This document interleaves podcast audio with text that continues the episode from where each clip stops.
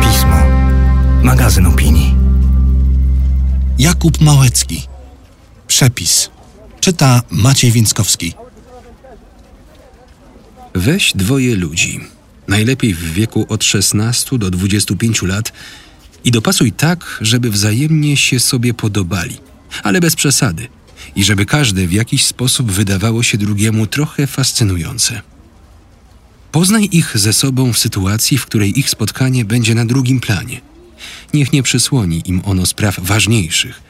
Na przykład niech się wydarzy podczas zakupów w średniej wielkości sklepie spożywczym, kiedy on się śpieszy na trening siatkówki z trenerem, którego się potwornie boi, a ona po raz pierwszy kupuje sobie papierosy, które dopiero zaczyna palić, przekonana, że najdalej do piątku będzie mieć raka.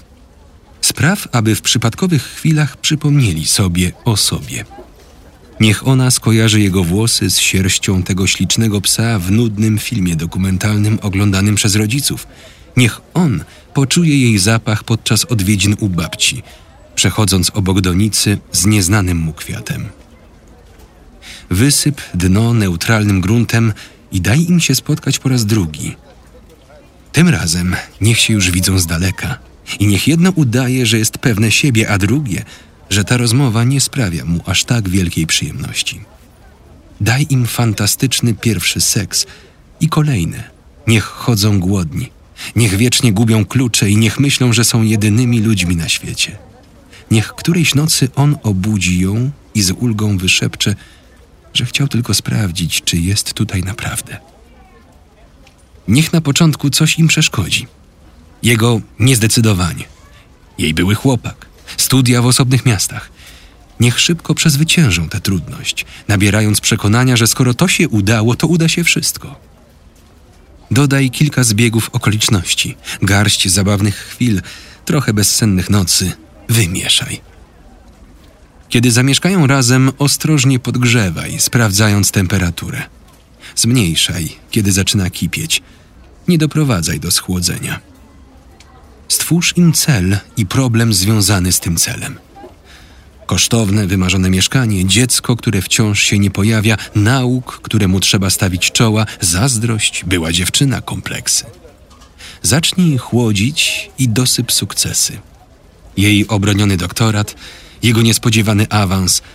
W tym samym czasie niech zaczną się kłócić o jej kolegę z pracy, do którego ona się tak idiotycznie uśmiecha, i o buty, których on nigdy, naprawdę nigdy nie potrafi ustawić równo przy ścianie.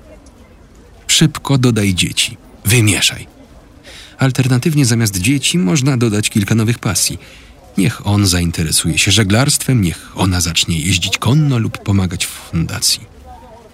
Zmęczeni i niewyspani niech poczują, że coś im bezpowrotnie umknęło. Niech ze zdumieniem wspominają czasy, kiedy na wszystko był czas. Niech ona ma mu za złe, że właściwie wcale już nie pyta, co u niej. Niech on coraz częściej czuje się sfrustrowany tym, że nie pamięta, kiedy ostatnio się wyspał. Poczekaj, aż jedno z nich zdradzi drugie – ona z pulsującym gdzieś głęboko gniewem za to, że spośród jej siedemnastu ostatnich urodzin zapomniał o czterech, niech pójdzie do łóżka z kolegą z pracy, którego ze wszystkich kolegów z pracy najbardziej nienawidzi. On, któremu ani razu nie powiedziała, że schudł, choć schudł 11 kg w dwa miesiące, niech podczas wyjścia na piwo nie oprze się pijanej, głupiej i brzydkiej nastolatce siedzącej przy sąsiednim stole, a potem niech ją zostawi w trakcie. Niech uciekając z jej mieszkania, da się porwać złudzeniu, że już nigdy, przenigdy. Zamieszaj, odstaw i odczekaj dobę. Dwie doby, osiemset. Kiedy coraz częściej będą patrzyli na siebie z niedowierzaniem, że kiedyś w taki sposób, że kiedyś tak mocno, że kiedyś w ogóle, Wyślij ich na wakacje, bez dzieci, do dalekiego kraju, w którym nigdy nie byli i w którym zobaczą, że życie, nawet to ich, może mieć takie smaki i kolory. Niech syn zachwyci ich swoim występem na zakończenie roku szkolnego. Niech córka złoży im w rocznicę ślubu wzruszające życzenia. Niech poczują, że owszem, bywa trudno, ale dla takich chwil warto. Powtarzaj tę czynność co kilka lat. Sprawdzaj ich regularnie. Nie przegap momentu, kiedy oboje będą starzy. On, walczący z cukrzycą, niech któregoś dnia rozpłacze się podczas rozmowy z kolegą i niech nie wie dlaczego. Ona, pijąc kawę u koleżanki, niech jej powie, że nie ma pojęcia, gdzie się nagle podziało jej życie, ale że gdyby mogła cofnąć czas, chciałaby spróbować przeżyć je raz jeszcze właśnie z nim. Odczekaj jeszcze kilka lat, co jakiś czas sprawdzając, czy żadne nie zmarło. Dodaj niespodziewany wypad, który im się trafił, bo znajomy zrezygnował, bo promocja w biurze podróży, bo tak się złożyło. Niech jadą tam bez oczekiwań i niech poczują się tak jak kiedyś. Ona w nim zobaczy młodego jego, a on w niej młodą ją.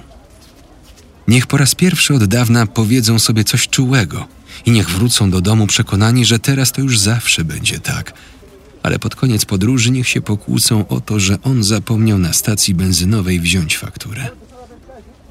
Niech już nic ich w życiu nie spotka i niech o tym wiedzą.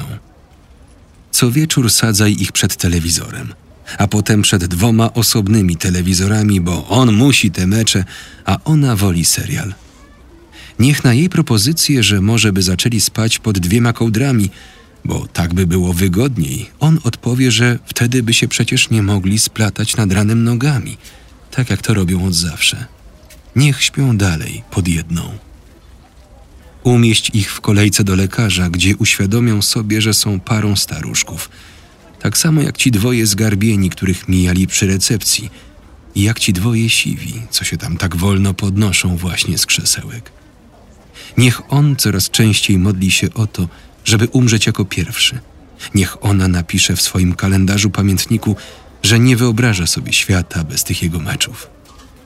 Niech którejś nocy on obudzi ją i z ulgą wyszepcze, że chciał tylko sprawdzić, czy jest tutaj naprawdę.